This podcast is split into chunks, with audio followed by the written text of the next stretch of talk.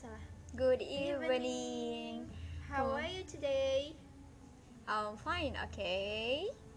I'm fine tuh. Kan kamu nanya aku tuh. Oh yeah. Um, welcome back to our podcast and Midnight Midnight Talk. Talk With Apriana. dan Ita. Cereng deng deng deng. Jeng jeng jeng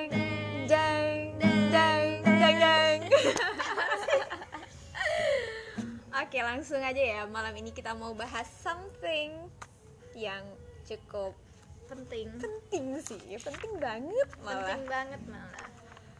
what is that Mental health.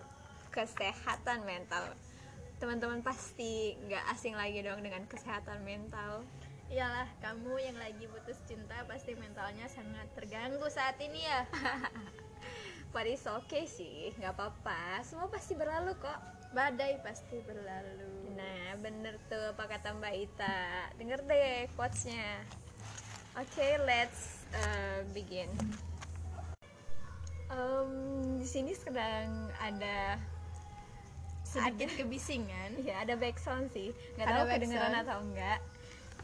Tapi kita sambil menikmati ya backsoundnya dari Iya bener banget. musik tetangga Musik tetangga. Oke langsung aja kita mulai Malam ini kita mau bahas mental health Jadi uh, ada beberapa keresahan aku dan Ita Tentang mental health ini yang bakal kita obrolin malam ini di Midnight Talk Iya bener banget tentang mental health. Em, Yang pertama nih Mental health itu apa sih Mbak Ita sebenarnya itu apa sih?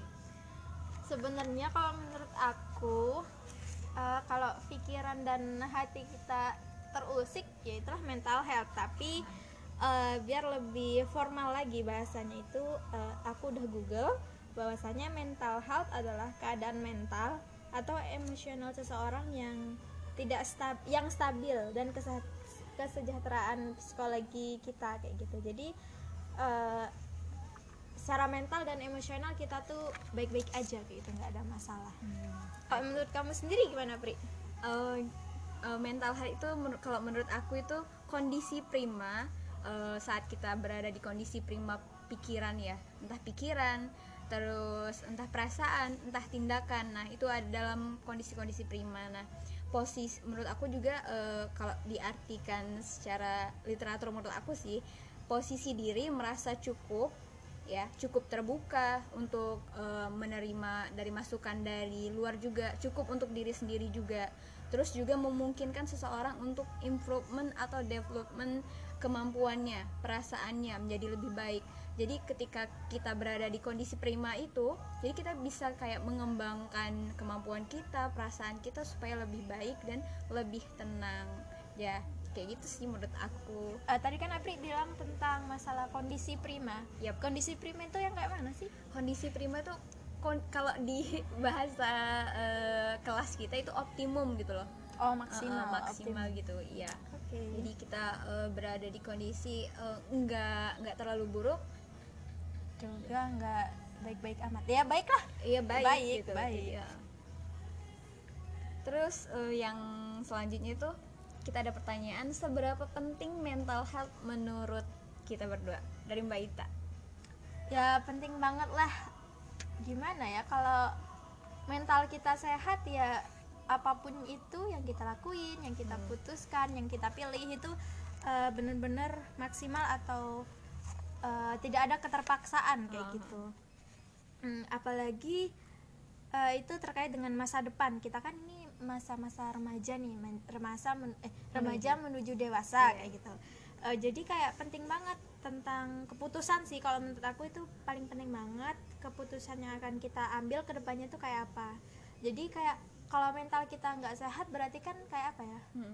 Bisa bisa aja kita tuh memutuskan sesuatu karena keterpaksaan kayak Iya, gitu sih. sih Kayak gitu sih. Penting kalau menurut kalau menurut Apriana gimana? Um, iya, of course ya penting banget sih menurut aku.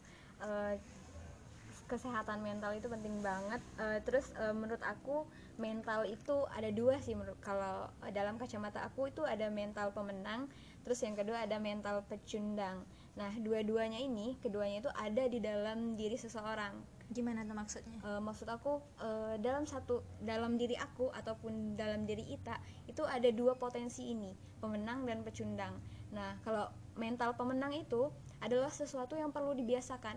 Nggak serta merta kita eh, langsung terlahir tiba-tiba menjadi pemenang gitu. Pemenang itu sesuatu yang perlu dibiasakan menurutku. Nah bagaimana cara membiasakannya?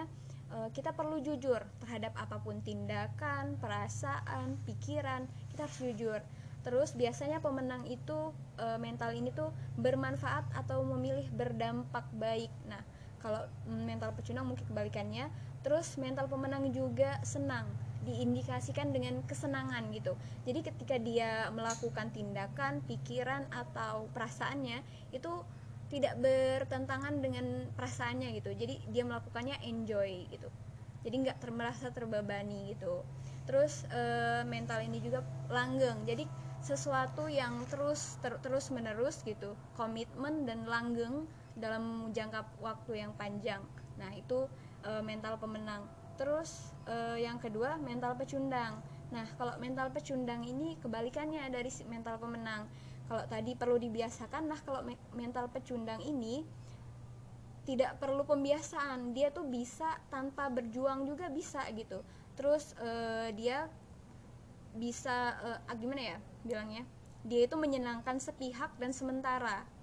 Kalau kita tidak di kondisi mental yang baik itu atau mengambil keputusannya kan kata Mbak Ita tadi jadi nggak baik juga kan. Ya, terus perasaan juga nggak baik apalagi pemikiran juga mungkin terganggu. Kalau misalnya kita mentalnya terganggu jadi dia akan achieve mungkin suatu mendapatkan suatu apa yang diinginkan atau harapan yang dia mau. Tetapi mungkin dari prosesnya tidak jujur. Jadi makanya dia tuh menyenangkan sepihak dan sementara. Nggak langgeng berarti kan? Terus e, biasanya diindikasikan dengan adanya kebohongan untuk mencapai itu. Terus dia menyesal. Biasanya orang yang pecundang ini dia akan nyesal di akhir. Kayak gitu. Dan kita tahu sendiri kan yang namanya nyesel di akhir itu kadang nggak guna gitu kan nah ya, iya, jadi kita perlu ngebangun lagi tuh mental mental pemenang kayak gitu. Supaya kalau kita kebiasaan dengan mental mental pemenang ya mental health itu dengan sendirinya ada di dalam diri kita kayak gitu sih menurut aku. Proses lah ya Mm-mm, sebenarnya. bener banget. Eh, dan dalam situasi tertentu eh, pasti apa ya kita sebagai manusia manusia yang hidup kayak normal banget nggak sih? Kalau kita tuh eh, pasti dihadapkan dengan beberapa masalah kayak gitu kayak gitu. Sehingga Iya. kita eh, mental health kita tuh eh, sedikit terganggu kayak gitu. Mm-mm. jadi mental pecundang tadi terpicu untuk keluar kayak iya gitu ya. eh, makanya eh, kalau misalnya kan dua-duanya berpotensi untuk hadir gitu pemenang dan si pecundang ini. Tetapi gi- gimana akhirnya kita memilih salah satu di antara keduanya? Mungkin si yang mental pemenang ini rasanya berat untuk dipilih karena menjalaninya butuh proses yang butuh struggle yang Ekstra. enggak yang nggak nggak mudah gitu. Sedangkan yang mental pecundang ini bisa dengan mudahnya tanpa ada ekstra itu ya ekstra Iya. kerja keras itu. Cuman ya siapa sih yang nggak mau jadi pemenang? Siapa sih yang nggak mau jadi baik-baik saja? Kayak gitu kan. Siapa sih yang nggak mau berdamai dengan kesehatan mentalnya? Kayak gitu. Iya, benar banget. Oke kita lanjut ke next Boleh. question. Em, dari kacamata Mbak Ita seperti apa sih mental health di pandangan publik? Kalau ya gimana pandangan Ita tentang mental health ini dikenal di luar di publik gitu? Mungkin bukan mental healthnya kali ya. Lebih kayak ke masalah apa ya masalah yang mempengaruhi si mental health itu sih. Kalau biasanya yang sering dibahas oleh orang-orang itu eh, biasanya lingkungan di rumah itu sangat mempengaruhi sih kalau menurut aku.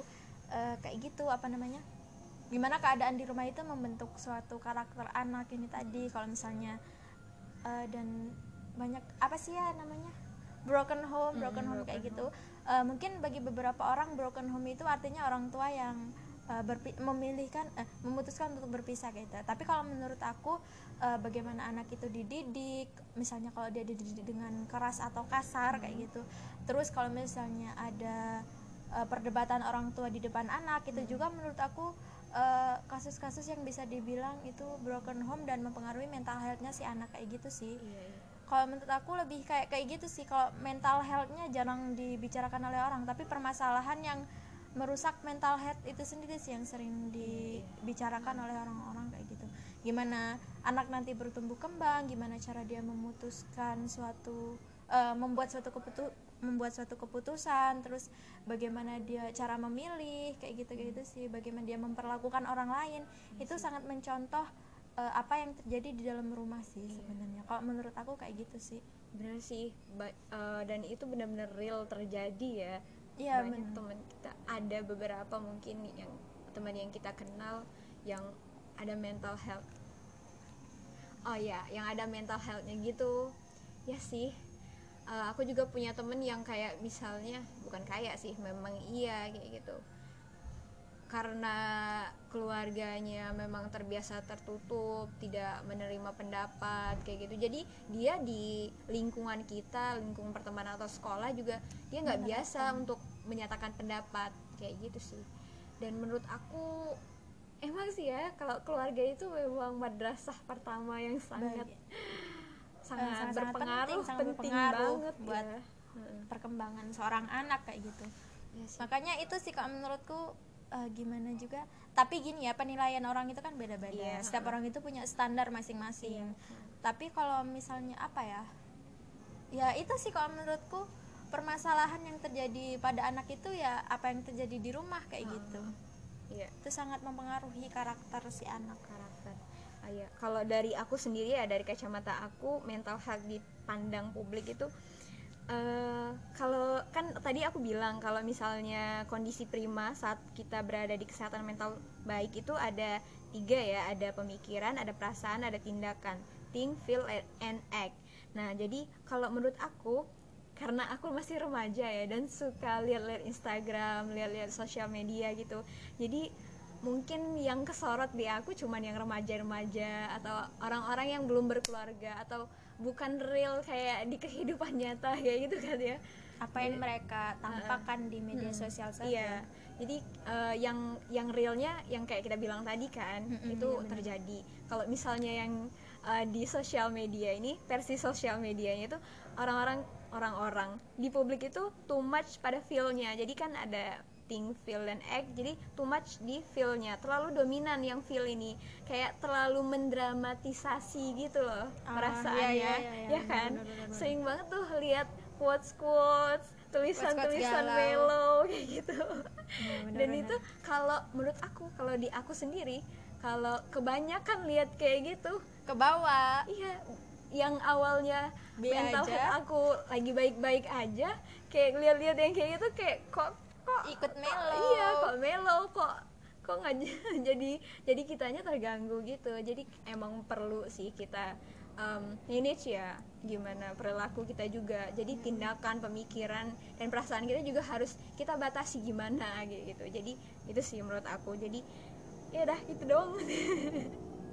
Sosial tapi media. emang terus juga kan kalau perasaan emang berdampak besar kan jadi di antara pemikiran perasaan dan tindakan menurut aku yang dominan emang Perasaan, perasaan, ya, aku gimana juga. kita berperilaku juga kadang Di. di dipengaruhi oleh perasaan. Kita nggak pengen ngapa-ngapain kita pengen marah-marah juga karena perasaan gitu kan. Iya. Kayak gitu. Sulit sulit emang perasaan itu sulit guys. Iya jadi jangan sampai main perasaan sih. Jangan Kita sampai main-main ya. Jangan sampai main-main. Iya, jadi ya harus dijaga baik-baik sih. Perasaan kita iya karena mempengaruhi semuanya mempengaruhi masa depan kita mempengaruhi masa lalu kita masa Mempengaruhi nanti makan kita. mempengaruhi makan kita mempengaruhi pola pikir kita Iya. mempengaruhi pergaulan kita juga nanti kalau kita terlalu mengikuti perasaan kita teman-teman kita semakin sedikit kayak Iya. gitu Terus mungkin yang fenomena yang terjadi kita jadi lebih gampang overthinking, iya ya benar kan? overthinking itu overthinking juga nggak sangat nggak bagus kok Iya. menurutku Mungkin buat kesehatan overthinking mental. ini salah satu akibat dari mental health problem kali ya. iya Hmm. bener banget Jadi kalau kita nggak baik-baik menjaga kesehatan mental kita ya siap-siap aja diserang terombang ambing oleh overthinking dan overthinking itu emang nggak nggak sepenuhnya baik sih ya ya memang tidak Memang baik yang baik. berlebihan itu apa pun itu tidak baik teman-teman. namanya juga over. Over. Kebanyakan. terus pengalaman nih mbak ya. Pengalaman terhadap mental health. Mungkin bisa dikasih tahu juga contohnya kayak gimana indikasi-indikasi mental health yang terserang itu kayak gimana. Eh, mental health kalau aku sebenarnya nggak pernah ngerasa mental health tapi setelah dipikir-pikir ternyata itu dulu eh, merupakan salah satu mental health kayak gitu. Ya berasal dari keluarga juga. Eh, gini. Apa ya kan kalau aduh aku bingung ceritanya nanti jadi melo lagi. Aduh aku jadi sedih nanti. Itu lebih kayak ke akhir-akhir bukan akhir setelah aku menuju ABG ya ABG, ABG. anak remaja kayak gitu aku jadi mencari seorang sosok kayak gitu. Oh. Eh, oh iya iya aku ngerti aku paham. Ya gitu. Eh, gitulah teman-teman. Jadi aku dari kecil itu eh, aku tuh enam bersaudara aku anak lima dari enam bersaudara jadi kakak-kakakku itu udah gede-gede semua pada waktu itu. Eh, terus pada suatu ketika waktu umur aku tiga tahun eh, bapak aku mungkin ya bapak bapak aku udah duluan kayak gitu. Kembali ke yang maha menciptakan kayak gitu teman-teman. Jadi dari kecil itu aku terbiasa hidup dengan ibuku. Jadi aku melihat mama aku manggilnya mama. Mama aku itu kayak ya bapak ya mama kayak gitu. Jadi kayak eh, nggak terbiasa bukan nggak terbiasa memang sudah terbiasa dari kecil itu tidak ada sosok ayah kayak gitu. Hmm. begitupun juga dengan kakak-kakakku kayak gitu. Karena mereka udah besar jadi mereka yang nggak nggak 24 jam di rumah kayak gitu. Maksudnya jarang banget di rumahnya. Mereka lebih kayak ke kerjaannya kayak itu jarang pulang. Mungkin satu bulan sekali dua bulan sekali. Jadi kayak aku terbiasa hidup kayak aku adikku sama mamaku aja kayak gitu bertiga dan perempuan semua kayak gitu. Kok sama banget beneran?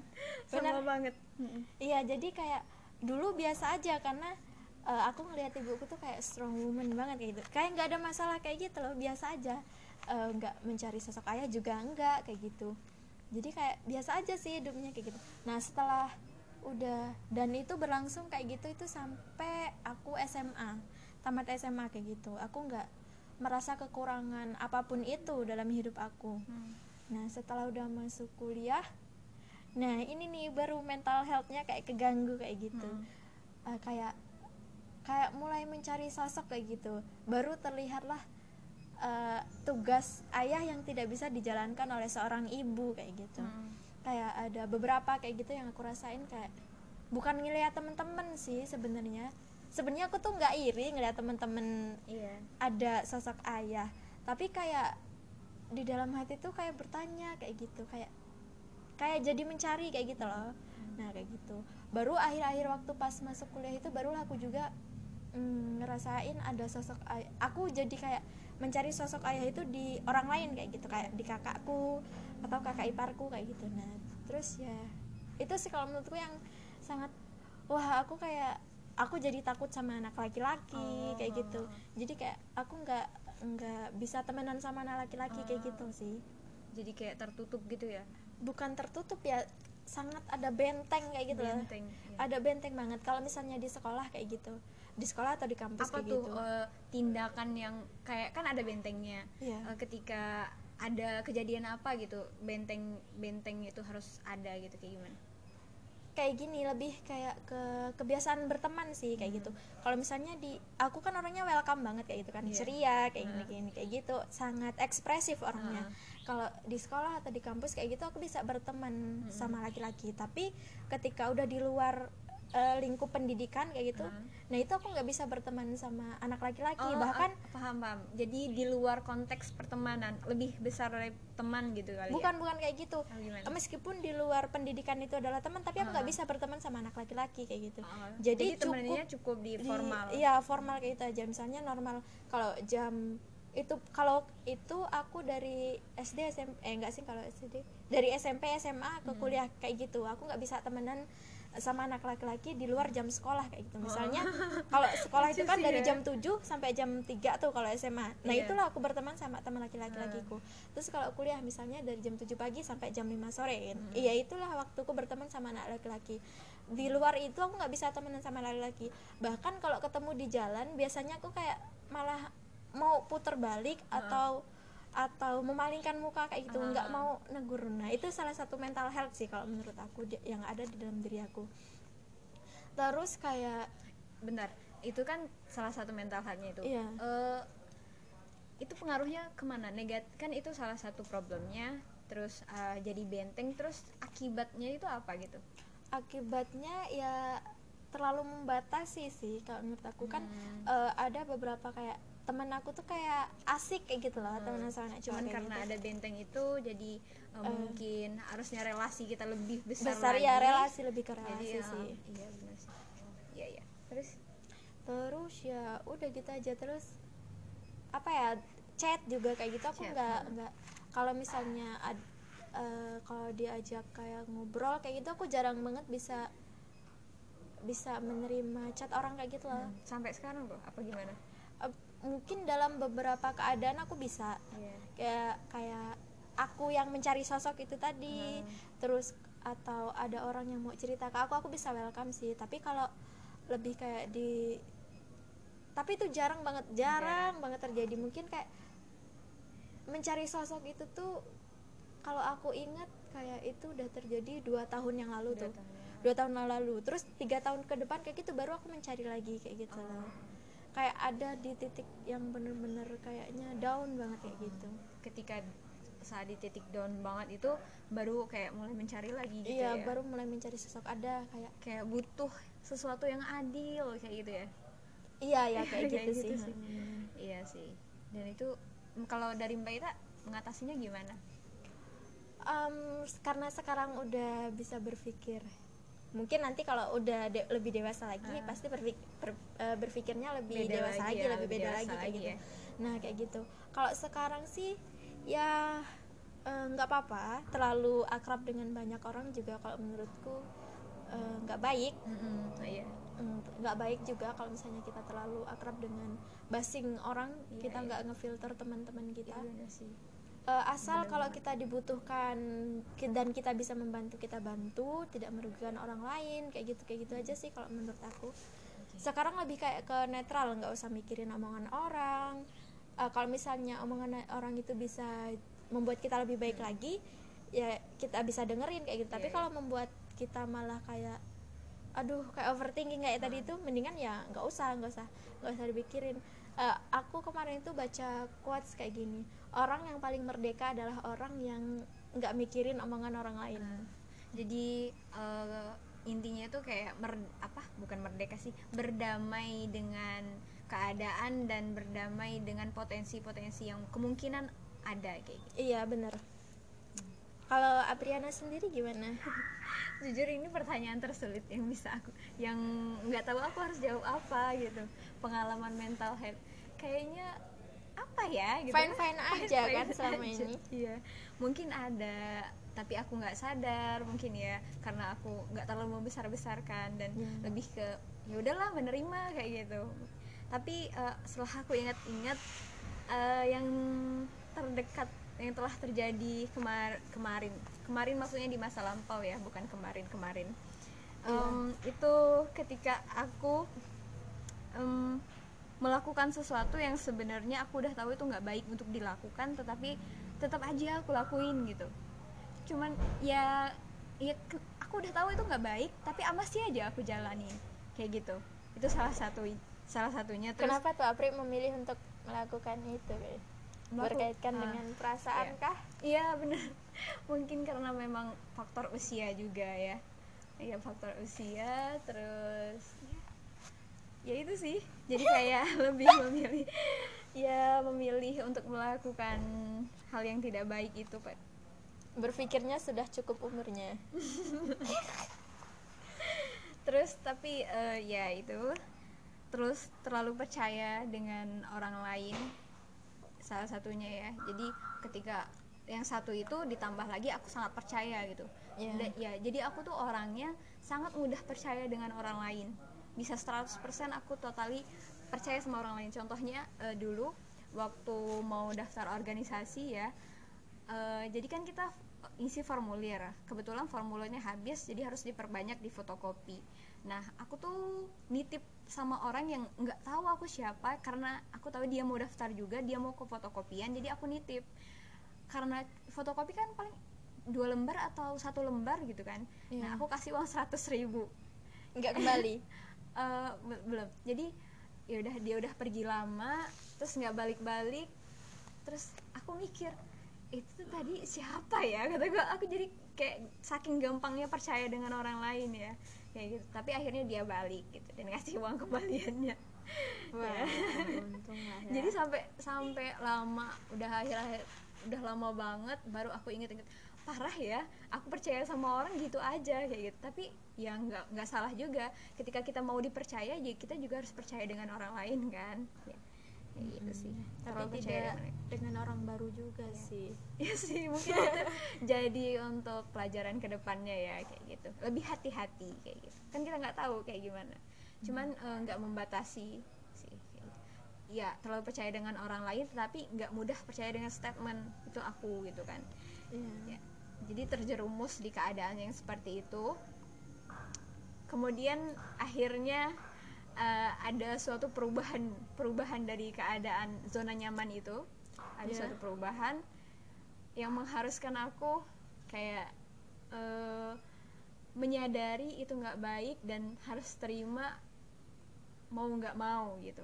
Dulu kan aku nggak bisa memilih kan Eh, mau nggak mau ya aku memilih mau kan. Sekarang ini kan bener-bener mau nggak mau itu harus disudahi gitu. Jadi kayak kayak belum siap. Jadi kayak mau move on dari keadaan ini ke yang lebih baik itu masih lama banget kayak gitu.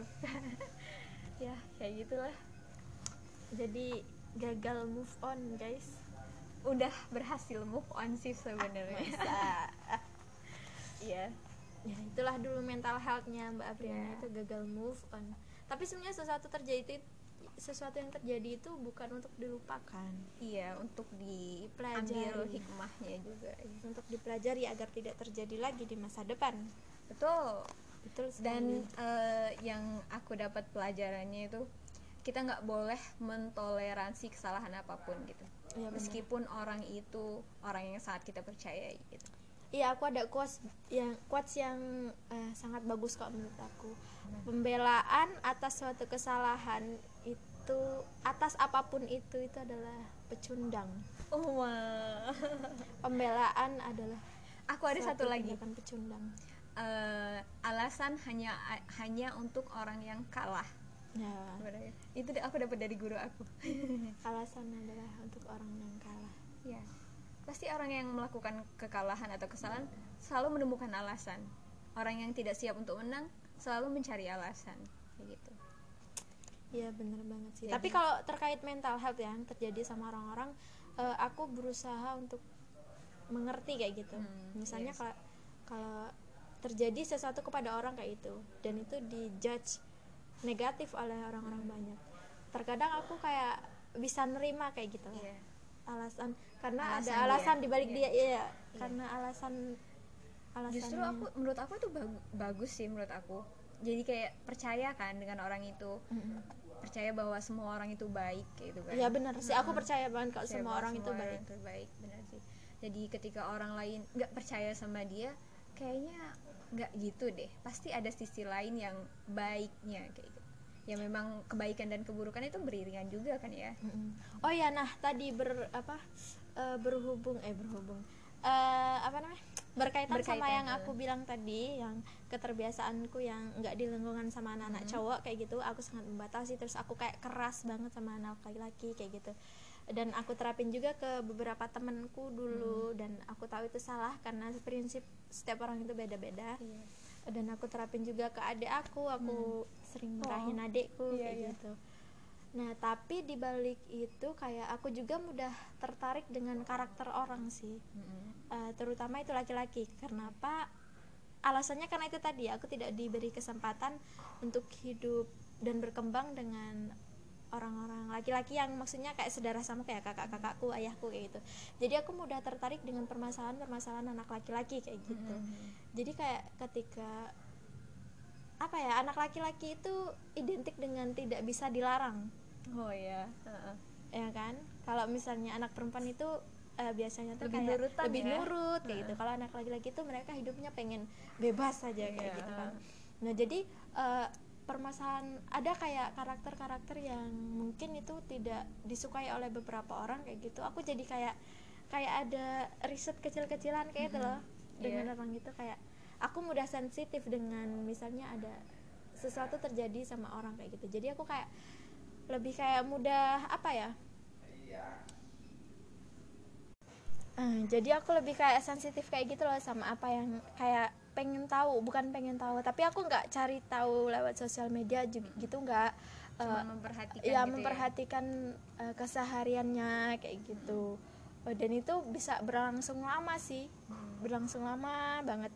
Eh, itu kadangan ada yang tiba-tiba tertarik untuk kayak memperhatikan dia kayak gitu tapi ini bukan dalam arti yang gimana-gimana ya Iya. maksudnya ini ket- karena ketertarikan karakter dia Iya, tadi iya. itu eh, mencari tahu Mempelajari karakter iya, gitu ya. eh, mempelajari karakter apa sih alasan dia kenapa bisa kayak gitu kayak gitu Ah, benar-benar Nah kayak gitu. Ada juga ada yang tidak dari awal. Misalnya Hmm. kita sudah, eh, aku kan kayak nggak biasa banget tuh teman sama anak cowok. Jadi Hmm. kayak kadang-kadang aku tuh di awal kayak wah kayaknya nggak bisa nih temenan sama anak ini kayak gitu. Hmm. Ternyata kayak di pertengahan, eh, misalnya di pertengahan sekolah kayak gitu ya. Kayak ada karakter yang tiba-tiba muncul dari dia. Nah itu baru kayak atau kebaikan-kebaikan dia kayak gitu. Jadi kayak kalau menurut aku tadi yang menyebabkan aku berpikiran kalau aku nggak bisa temenan sama dia aku cari tahu kenapa alasannya dia kayak gitu oh iya nah kayak gitu sih lebih kayak karena aku tidak berkesempatan tumbuh kembang dengan kakak-kakakku dan bapak dan ayahku. Hmm. jadi aku kayak lebih tertarik kayak gitu sih kayak memperhatikan karakter-karakter orang kayak gitu. Lumayan banyak. Hmm, oke cukup. Eh udah 31 menit aja.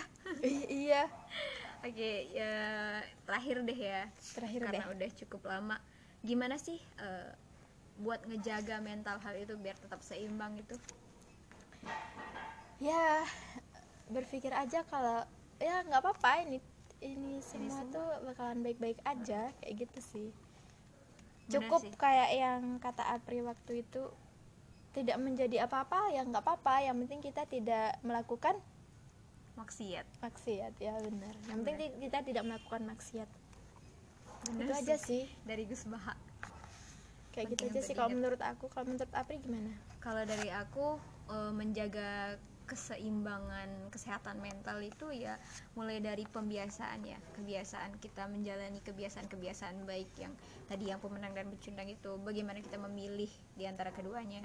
Terus ketika kita di keadaan terserang mental health kita mulai kayak ada gangguan gitu kalau aku pertama itu pengobatannya itu ikutin kata hati gitu. Ya apa pun ketika kita ada problem apa pun bukan dengarkan orang lain tapi dengarkan diri sendiri yang pertama. Terus yang kedua temuin atau berbicaralah dengan orang yang kita sayang. Kayak gitu. Kenapa gitu? itu bisa mengobati gitu. Loh. jadi kalau misalnya aku sering sih bukan eh, pernah terjadi. Kadang terjadi ketika aku sakit tiba-tiba ibu aku telepon gitu misalnya langsung sembuh gitu. Nggak tahu kenapa. Kayaknya barusan aku demam deh gitu. Terus waktu ditelepon mungkin ibu punya firasat kali ya Hmm, hmm, senaluri ya. Jadi kayak ada obatnya gitu tiba-tiba. Terus kalau misalnya kita lagi bad mood suntuk males banget kayak sakit benar-benar sakit terus kita lihat orang yang kita suka gitu misalnya tiba-tiba jadi baik-baik aja tiba-tiba sembuh gitu. Apa-apaan ini gitu. Lucu sih lucu, Sumpah itu lucu. itu terjadi dua kali sih kemarin dan waktu aku SMA gitu.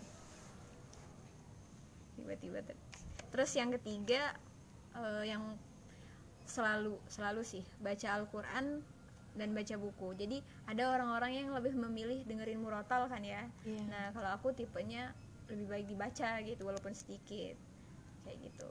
Terus dibaca buku cari-carilah buku yang sesuai karakter. yang sesuai karakter kita yang enak yang ringan. Kalau misalnya lagi eh, nggak baik kondisinya cari yang ringan-ringan aja tapi ya mempengaruhi gitu terus terus stop apa pun deh stop apa pun yang rasanya kayak sesak gitu. Sesuatu yang berlebihan udahan dulu gitu. Kita harus membatasi gitu. Ya stop atau istirahat gitu kan. Dengan eh, keseharian kesumpekan gitu. Terus yang terakhir menurut aku perlu istirahat. Jadi jangan ragu untuk ngambil istirahat kayak gitu. Berapa lama pun waktu yang kita butuhkan. Asal kita bisa pulih kembali dan kemudian melanjutkan perjalanan Iya benar banget sih teman-teman. Kalau ya udah deh gitu aja. Udah kepanjangan kayaknya. ya udah kayaknya kita tambahin di sesi selanjutnya ya Oke. oke selamat malam semoga malam yang panjang ini tetap indah ya semoga kesesakan-kesesakan yang memenuhi dada eh, segera reda asik dan segera terobati teman-teman. oh ya jangan lupa tersenyum dan selalu bersyukur salam Bye. see you See you Next. next time. time tas lagi Boleh deh.